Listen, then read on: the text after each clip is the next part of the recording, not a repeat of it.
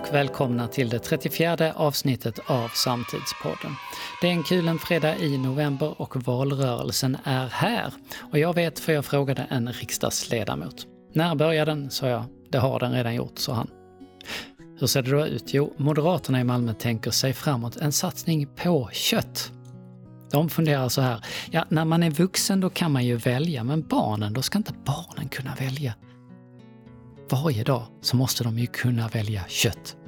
Det gäller att välja sina strider, som det heter i Malmö är den tydligen animaliskt betingad den här striden. Och det här att det är viktigt att välja sina strider, det verkar SSU också tycka, för, för i veckan så gav sig SSUs kommunikationschef, de har en sådan tydligen, in i den lätt infekterade Twitterdebatten om aktivism och politiskt engagemang, vilket är egentligen bäst. Ja, SSU-bossen sa att Greta har säkert lyckats, citat, uproot the system, vilken dag som helst nu, och han fortsatte, ser fram emot med spänning vad det betyder. Typ ekofascism. Demokrati verkar hon inte ha mycket till övers för. Ja, om ni skakar lätt på huvudet när ni hör det här så är det ju inget mot vad Ebba Busch gjorde när den där husstriden tydligen verkar fortsätta trots allt. Eller vad Liberalerna gjorde när de hörde Novus senaste undersökning. Opinionsinstitutet meddelar nämligen att antalet liberala väljare nu är så få att det är svårt att dra slutsatser om vilken statsminister de egentligen vill stödja. Men oroa er inte kära lyssnare, ni är inte ensamma om att vara förvirrade. Jag heter Anders Milner och med mig på promenaden in i dimman har jag som vanligt Jasmin Aran Moder. Och vi hoppar rakt in i veckans mediaflöde.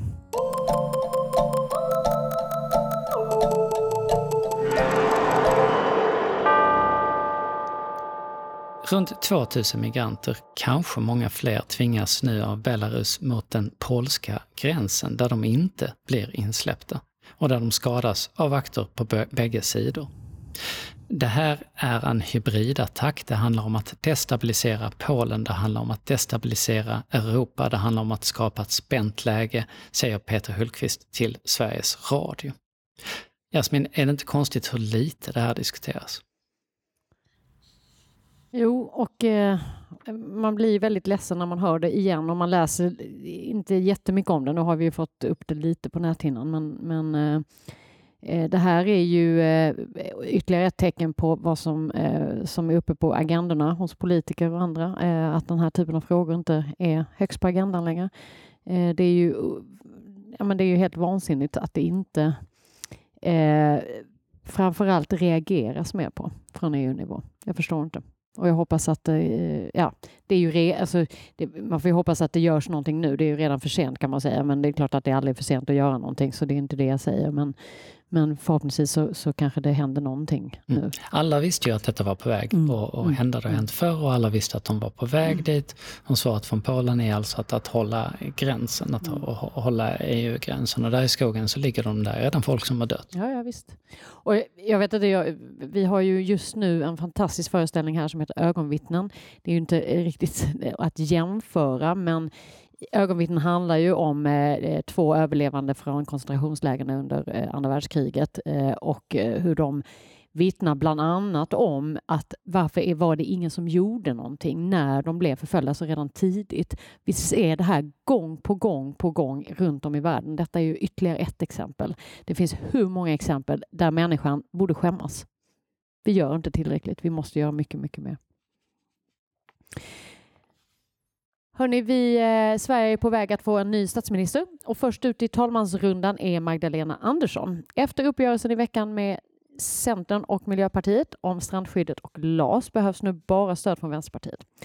Så vad kommer de här förhandlingarna att leda till? Ja, det vet vi troligast tidigast i nästa vecka då riksdagen också kan rösta om en möjlig ny statsminister. Här i vårt närområde så ökar coronavågen. Den är dramatisk i Tyskland där 50 000 har smittats i den fjärde vågen och restriktioner införs i Norge där flest antal nya fall under hela pandemin har registrerats. Och vi i Sverige då? Ja, här har ju skett en vändning. Internationella medier pekar inte längre ut Sverige som ett skräckexempel. Och även om Sverigesarna fortsätter att twitterdreva om Tegnell varje dag, för det gör de, så blir det lite svårt för folk att ta det på allvar. För att om man mäter överdödlighet i eh, Europa för hela 2020 så ligger Sverige på plats 21 av 31. Det innebär inte att faran är över, såklart inte. Vi har massor med ovaccinerade. Om vi räknar med att alla som varken haft sjukdomen eller vaccinerat sig blir smittade, så blir det 5400 dödsfall så i värsta läget i hela landet, säger forskaren Stefan Fors till Dagens Nyheter. I Aftonbladet så skriver Anders Lindberg på ledarsidan att talande är att just de länder i Europa som valde eh, att, att eh, satsa på auktoritära nedstängningar i regel har lyckats mycket sämre än vi. Och Johan Anderberg som skrivit boken Flocken skriver i Sydsvenskan att Sveriges låga dödstal är en obekväm sanning för medier och makthavare i flera länder. Det visar att miljoner, miljontals människor har levt i ofrihet till ingen nytta. Och han fortsätter, detta faktum måste vara en av världens mest underrapporterade nyheter. Med tanke på alla de artiklar och tv-inslag som gjordes om Sveriges dåraktigt frihetliga inställning pandemin för ett år sedan, med tanke på hur vissa datorkällor dagligen refererades i världens medier, är det underligt att samma källor idag förefaller helt ointressanta. Och det är ju lite konstigt, Jasmin. Mm, det kan man ju verkligen säga. Vi har ju tjatat om det här ganska många gånger under Eh, den här pandemin. Eh, men det är väl så, har man fel och det är väldigt svårt att erkänna eh, ut i media och det är klart att vi kan ju inte heller veta exakt vad som händer. Det säger väl Johan i den här artikeln förlåt, Johan, eh, i, i det han skriver också. Men, men, vi vet också att, att börjar man erkänna att, den här, att vi har stängt in människor och kanske till i alla fall mindre nytta än vad man har trott. Det, det blir jobbigt för de som har skrivit om det, för politiker och så vidare. Det jag tycker ändå är intressant, det som händer nu är att vi lite grann går tillbaka till samma retorik där journalisterna också hela tiden väljer att ja, men cherrypicka vad de skriver om därför att man glömmer lite grann att också lyfta upp att de flesta som blir smittade är fortfarande ovaccinerade. Jag tycker den debatten kunde vara tydligare. Att vi, må, alltså, vi kan tycka vad vi vill, men jag personligen är för vaccin. Eh, jag tycker inte det är kul att stoppa in grejer i min kropp, men det är ju uppenbarligen ett sätt att komma åt att vi kan komma åt vår frihet. Då får vi vara lite tuffare. Då tycker jag att man kan vara tuffare och skriva om att det är de ovaccinerade till nu kan inte jag siffrorna, men den största delen som kommer in, som blir sjuka, som eh, drabbas av, av ordentlig sjukdom. Sen parallellt med detta så ser man ju också nu att, eh, att det kommer eh, möjliga, eh, kanske inte lösningar, men, men, som kan dämpa själva sjukan när man väl blir sjuk för de eh, värst drabbade.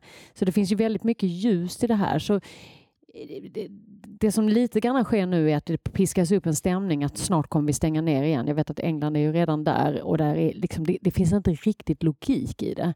Jag tycker lite grann läsa lite, ta, ta Alltså läsa det som, som eh, skrivs eh, av Johan Anders Berg men också att eh, faktiskt fundera på eh, och titta på de exemplen där det har gått lite, lite bättre. Och ta det där vaccinet. Skärp er och ta det. Gör det bara. Också till klimatmötet topp COP, topp, toppmötet, klimattoppmötet COP, tungvrickare. USA och Kina lovar att samarbeta mer för klimatet. Och det här ses som ett viktigt framsteg att, att de här länderna då tillsammans säger någonting, uttalar någonting tillsammans. Och samtidigt så har vi då det här med det fossila. BBC rapporterar att det på COP-mötet finns fler delegater som har kopplingar till fossilindustrin än det finns från något annat enskilt land. 503 personer är där och lobbar. Och det här gör ju att bara att använda ordet fossil under mötet är kontroversiellt. DNs Jannike Kilberg skriver att klimat klimatkrisen handlar i grunden om fossila bränslen. De är huvudorsaken till koldioxidutsläppen och måste fasas ut om klimatmålen ska nås. Men trots det så nämns inget om fossila bränslen i Parisavtalet. Men nu står det där för första gången. Oklart om det överlever manglingarna och står kvar där när mötet är, är slut. Men just nu så står det där. Kilberg skriver att kalla fossila bränslen elefanten i rummet under FNs klimatförhandlingar är en underdrift. Många oljeländer, mest märkbara är Saudiarabien och Irak, går stenhårt in för att hålla ämnet utanför förhandlingsrum och avtalstexter. Och avtalet bygger på konsensus. Det som skrivs måste godkännas av samtliga närmare 200 parter. Och då blir det kompromisser, även absurda sådana. Och på tal om absurda saker, så vi vet att Kinas utbyggnad av kolkraft anses vara ett av de största hoten mot klimatet. Och nu i veckan så avslöjade Sveriges Natur och journalisten Nils Resare att svenska AP-fonder, svenska banker och svenska fondbolag bidrar till den globala uppvärmningen genom sina aktieinnehav i kinesiska bolag som äger, bygger och driver koltraf- eh, kolkraftverk. Och Jasmin, vi har varit mm. inne på detta i podden innan. Yes. Investeringar i saker som, som skadar oss och förstör framtiden. Och här pratar vi återigen om det. 12 av de största svenska investerarna lägger pengar i det vi, som vi vet gör framtiden mörkare. Och tre av de svenska statliga AP-fonderna och några av Sveriges största banker och fondkommissionärer har eller har haft registrerade innehav i kinesiska kolbolag. Sjunde AP-fonden förvaltar mer än 800 miljarder kronor åt 5 miljoner svenska pensionssparare, har innehav i fem kinesiska bolag som vart och ett driver kolkraftverk i Kina. Vad säger man om detta, Jasmin? Ja, och det, jag tror det var dessutom en siffra i morse om hur mycket subventioner som också läggs eh, från våra länder. Eh, vilket är alltså det är så bisarra summor. Eh, hade vi lagt alla dem på att ställa om snabbare så hade vi ju nått målet snabbare. Det är ju lite som, det blir liksom, jag vet inte, det, det blir lite barnsligt det där att vi lägger så mycket. Det är nästan som en, en tävling. Om vi lägger jättemycket subventioner och så jobbar vi här borta på den andra sidan för att motverka det som, som den här industrin som fick subventionerna skadar så ser vi vem som vinner. Jag vet inte riktigt hur resonemanget går jag vet att jag menar, det, det kom ju ganska mycket kommentarer eh, i veckan nu under liksom, och förra veckan kring och i andra sammanhang att ja, men vi behöver oljeindustrin säger ja, men vi behöver de här. Vi behöver pengarna vi, vi får in via vår, vår oljeindustri för att kunna ställa om. Det är så många frågor i den, den, det Men den här, den här tanken att man tar våra pengar och använder dem till att sabba vår framtid, den är ju helt, den är ju helt sjuk i huvudet. Mm. Och det är ju lite, det, går ju en, en eh, intressant liten video om hur den här dinosaurien berättar för oss att eh, gör inte, don't go our way och, och liksom utrota er nu, De valde ju inte utrotning, det var ju någon annans fel. Vi väljer ju det om vi ska gå den här vägen. Eh, och jag skulle säga eh, att eh, om man snabbare kunde liksom lägga om de här subventionerna, pensionspengar och annat, så klart att det kommer gå snabbare att de här andra teknikerna, andra lösningarna, andra sätten att arbeta med de här frågorna kommer ju eh, eskalera och skalas och då kunna bli en lösning. Mm. Och alla kommer bli glada för de som faktiskt kan satsa på detta kommer ju få tillbaka sina pengar. Det är lite som om dinosaurierna skulle satsat sina pensionspengar i meteorbolag mm, som, som framställer meteorer som, som skulle, skulle, skulle träffa jorden. Väldigt logiskt hade nog de flesta tänkt då. Och man hittade faktiskt för övrigt en ny dinosaurie nyligen. Det var, var en pensionerad äh, man i, i, vid Isle of Wight tror jag, som i veckan eh, hittade någon slags trubbnosig eh, dinosaurieart som man inte sett tidigare. Han sa till eh, engelska medier att det här är det bästa som hänt under pandemin. Det var ett stickspår. Med oss okay. nu så har vi vår kollega Jonas Klevhag. Välkommen Jonas! Tack! Och eh, Jonas leder eh, under hösten eh, ett antal videoseminarier om just COP tillsammans med Mattias Goldman och en rad prominenta och kunniga gäster. Och ni som lyssnar, ni hittar dessa på thebridge.se se. Jonas, vad vet vi nu om COP efter de sändningar som, som vi har gjort hittills? Och vad, av, av dessa sändningar, vad, vad, vad är det du tar med dig? Ja, vi, gjorde ju de här, vi har gjort de här sändningarna, vi, de fortsätter ju. Uh, Bridge Talks to COP26 uh, eh, i syfte att göra eh, COP-förhandlingarna och det globala klimatarbetet mer begripligt och tillgängligt för en bredare målgrupp. Eh, så vi har gått igenom lite sektor för sektor. Eh, skogsindustrin och jordbrukssektorn, byggindustrin. Eh, vi kommer gå igenom finanssektorn här framåt. Även tittat på hur städer och regioner bidrar.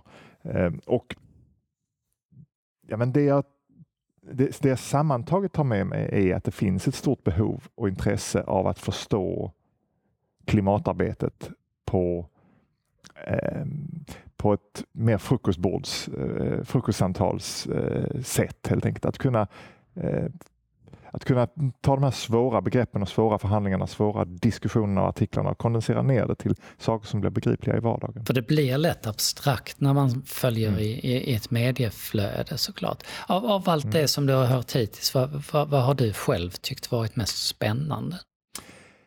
Men det, det, har ju pågått eh, en eh, ganska polariserad och politiserad debatt om hur man ska använda skogen. Eh, det, det som var, kom fram klart både med Världsnaturfonden och, och skogsindustrierna i det avsnittet var att skogen verkligen behövs i omställningen till ett fossilfritt samhälle. Men att man naturligtvis måste ta hand om skogen på ett omsorgsfullt sätt. Så det var en takeaway. Och, och, och vad, vad, är, vad är det knepiga med skogen? Varför är det eh, så polariserat och konfliktfyllt? Om man, eh, ja, det, det, ett av eh, överenskommelserna i ifrån COP, en av de stora överenskommelserna som faktiskt var, kom nästan innan förhandlingarna hade börjat, var ju att man ska stoppa avskogningen. Så att man kan ju inte man kan ju inte använda skogen och samtidigt eh, utrota skogen. Då har vi så att säga eh, eh, ja, sågat av den gren vi sitter på i verkligen bokstavlig bemärkelse. En bra bild. Precis.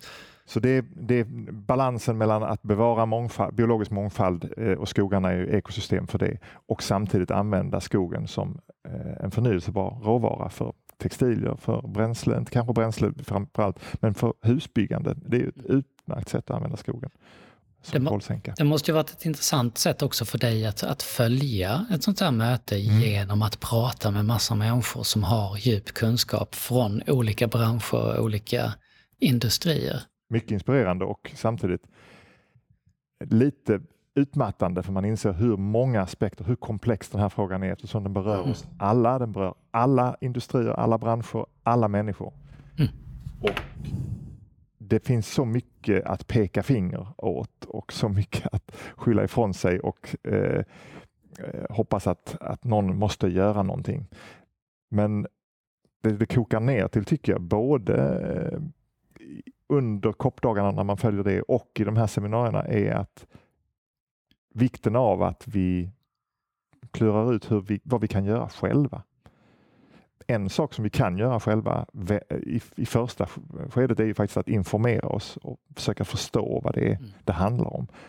Försöka förstå det genom att lyssna på samtidspoddar och eh, följa förhandlingar. Eh, jag tycker också vår permanente gäst, eh, special guest i våra seminarier, Mattias Goldman, gör fantastiska sammanfattningar av COP och det rekommenderar jag varmt att följa mm. på LinkedIn och Facebook där han postar sina oftast punktade listor om eh, fem och sju saker att ta med sig från Mm. De, är, de är väldigt bra. Men bara, jag vill bara skjuta in här, för jag tycker det är just den här komplexiteten och ni som lyssnar då, det får ju inte avskräcka och det, det vi vill ha lärt oss både genom de här samtalen och, och, i andra sammanhang är att det finns inte ett rätt svar utan man måste börja testa lite. Men det man, jag måste ändå säga, vilket jag känner ändå lite positivt, det är ju att när vi började med det här för sju år sedan snart, eh, så var det ju många som tittade eh, liksom på som om vi var gamla miljömuppar från 70-talet och förstod liksom inte vad industrin eller näringslivet hade med saken att göra, om vi ska vara riktigt ärliga.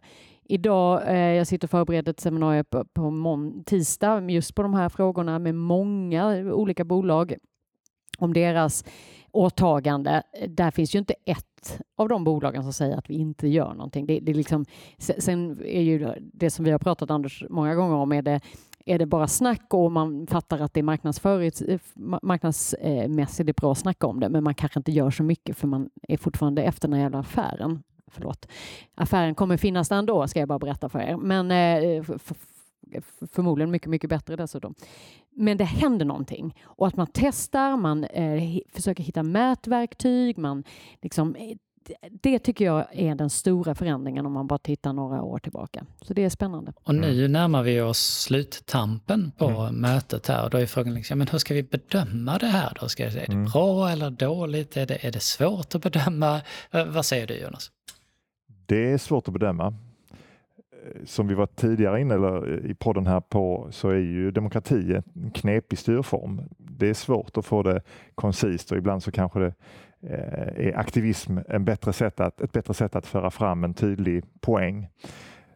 Men å andra sidan så om det ska bli någonting gjort här så måste hela jorden, hela klotet vara med och, och då är trots allt demokrati den, eh, den bästa formen för att få det att, eh, att, att hända. Så jag skulle nog ändå säga att, och, och finns det Frågan ställs ju hela tiden, man vill veta, var det ett misslyckande eller var det en succé?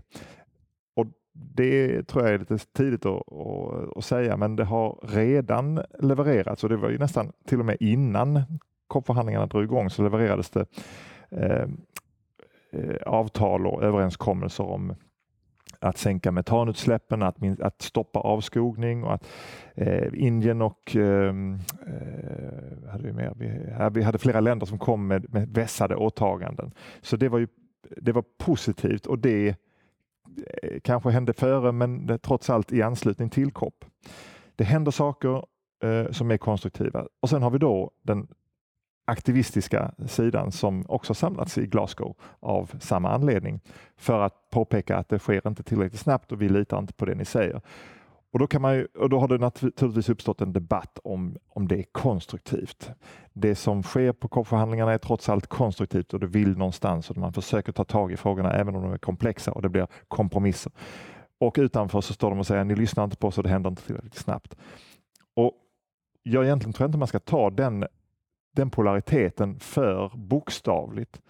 Eh, båda behövs här tror jag. Jag tror, jag tror. De som står utanför säger att det behövs någonting annat än de här förhandlingarna. Jag skulle säga att det behövs någonting mer och det meret finns kanske utanför förhandlingarna. Därför det är bara vi medborgare som kan säkerställa att vi följer upp de åtaganden som görs. Och det har gjorts en del åtaganden så det finns en del att följa upp. Där har vi ett jätteansvar som vanliga lyssnare och medborgare att, att inte bara åka till Glasgow och och, och demonstrera, utan i vardagen vid frukostbordet faktiskt följa upp hur går det för Sverige med våra åtaganden om avskogning, om metanutsläpp och, eh, och fossilfritt och bara lägga till där, för jag tycker det är så jäkla intressant det du säger, därför att vi alla har ett ansvar och inte bara, jag förstår att man ibland kan nästan känna sig uppgiven. Jag som enskild kan inte göra någonting. Jo, genom att vara förebild, genom att fråga din arbetsgivare, din, var du nu jobbar, var du nu handlar, att hela tiden vara lite om sig kring sig, därför då kommer saker och ting till slut ändras. Så ja, alla har vi ett ansvar i detta. Och den 16 mm. november så kan ni se nästa eh, sändning från The Bridge och den handlar om den finansiella sektorns roll. Ett nytt inslag med dig Jonas. Ni hittar den på thebridge.se. Missa inte detta och där kan ni se de gamla sändningarna också om ni känner att herregud, jag har ju missat detta, jag vill äh, catch up här. Så bara ja. gå in där och kika. De kan rekommenderas, säger jag. De kan rekommenderas, säger Jasmin. Och, och jag håller med. Säkert Jonas också. Jonas, stort tack för att du var med oss. Tack. Och nu är det dags för veckans Men hallå!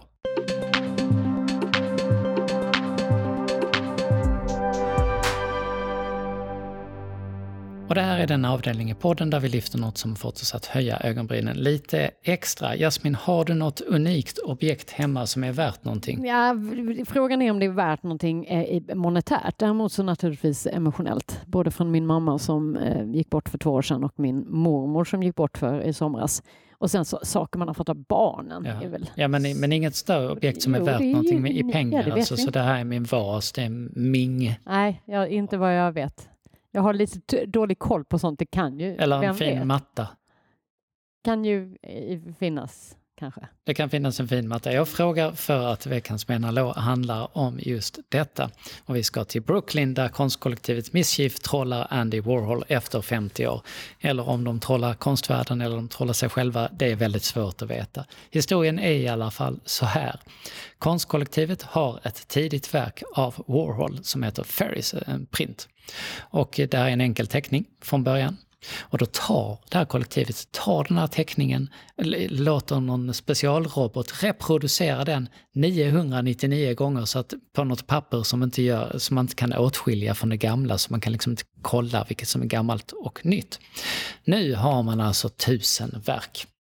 De, de, eh, kan man inte skilja åt. Om man blandar de här som en kortlek, lägger ut en försäljning för 250 dollar styck de är slutsålda nu och ingen av de tusen personerna som köpt ett verk vet om de äger ett verkligt verk Mm. av Warhol eller Smart. inte. Possibly Real Copy of Ferris by Andy Warhol 2021 heter det här ver- verket. Och senast det riktiga verket, det som faktiskt fanns från början då, som man kunde identifiera, såldes var 2016. Då var det värt över 8000 dollar. Anledningen till varför det här är så kul är ju såklart att Warhol jobbade då med att göra ins- eh, konstverk med inspiration från massproducerade produkter. Ni känner till Brillo-boxarna eller Kelloggs-paketen och sådär. Eh, och eh, tycker ni det här då är knäppt snarare än roligt? Vi tycker det, det här är lite Mm, roligt, ja, är va, eller hur? Ja, jag får lite idéer. Man blir lite uppiggad ändå. Jag tänker det är lite grann som, den som Banksy som, som eh, strimlade sitt verk vid försäljning och skapade ett nytt verk. Det, det, det piggar upp så Det piggar upp. Det är för- för- lite liksom- annorlunda. Lite annorlunda Nya och, och lite Exakt, det gillar vi ju. Ja. kul. De driver också ett slags, slags eh, museum för förfalskningar på internet där det- det här läggs upp. Då. Jag blev intresserad. Jag hade gärna köpt ett sånt verk. 250 dollar är inte så mycket, inte så för ett mycket. verk som kanske är av Andy Warhol. Finns det inte någonstans en indikation på vilken som är den riktiga? Nej. Allt är borttaget. Inte Allt- ens de som... Allt, allt är, ingen kommer att kunna, kunna avgöra detta och det, det är poängen med det då. Och, och är det här då knäppt snarare än roligt, ja men då ska ni veta att volleybollen som använde fi, i, i filmen Castaway, har du sett Nej, jag Castaway? det. Eh, där han eh, sitter på en, Tom Hanks sitter Ja. på en eh, öde ö och blir eh, långhåriga och långhåriga. Där finns en volleyboll. Volleyboll, ja. Den såldes nu, volleybollen såldes för 308 000 dollar. 2,7 miljoner svenska kronor rapporterar eh, BBC. Men det där bygger väl på en riktig historia? Var det den riktiga volleybollen eller var det volleyboll? Det var den i filmen eh, Ja. som, som heter Wilson, hans enda vän. Då. Det är någon som vill, jag hade hellre haft Andy Warhol-verket Ja, faktiskt. Det tror jag också, för den, den volleybollen hade ju inte varit en kompis på riktigt kan man säga. Den var ju bara fiktion. Precis. Ja, Hittepå. Mm. ja, Och någon hittepå betalar det här peng, de pengarna. så mycket vän Jag kan bli med ifrågasätter den volleyboll. volleybollens Ja, förmåga exakt. att vara en kompis helt enkelt. På. Ja, ja, man vet det. Jag har aldrig testat. Jag har aldrig haft låtsaskompisar. Jag har om- spelat ja, volleyboll, om, men eh, bollen var aldrig min vän när jag spelade volleyboll, så jag slutade efter ett tag. Hörni, Jag hade i alla fall inte betalt 2,7 miljoner anyways. nej, Nej, kanske kan inte. inte känna. Och skräcken när man ser barnen spela med den sen. Eh, idag är fredag den 12 november och den här dagen idag så kommer en liten rysk samling för att oktoberrevolutionen bröt ut i Moskva 1917. 1927 så utesluts Trotskij ur partiet och Stalin tar fullständig makt. Och 68 så presenterar man Brezhnev-doktrinen och det här innebär då att eh, Sovjetunionen ingriper politiskt och militärt i kommunistiskt styrda länder där man tycker att styret är hotat. Men vi ska inte bara vara kommunistiska här i podden idag för 1947. Den här dagen så släpps, eller så går eh, Sex Pistols enda skiva, Nevermind the Bollocks, till första platsen på Englandslistan. Och den har du eh, skrikit dig hes till Jasmin. Kan inte, inte hela tiden, kan man säga. Då får vi ta en runda här på, på lunchen. Och det här var allt för oss idag. Du har lyssnat på Samtidspodden som produceras av Altitude Meetings. Läs mer om oss på altitudemeetings.se och eh, vi ses så igen om en vecka. Tack för idag.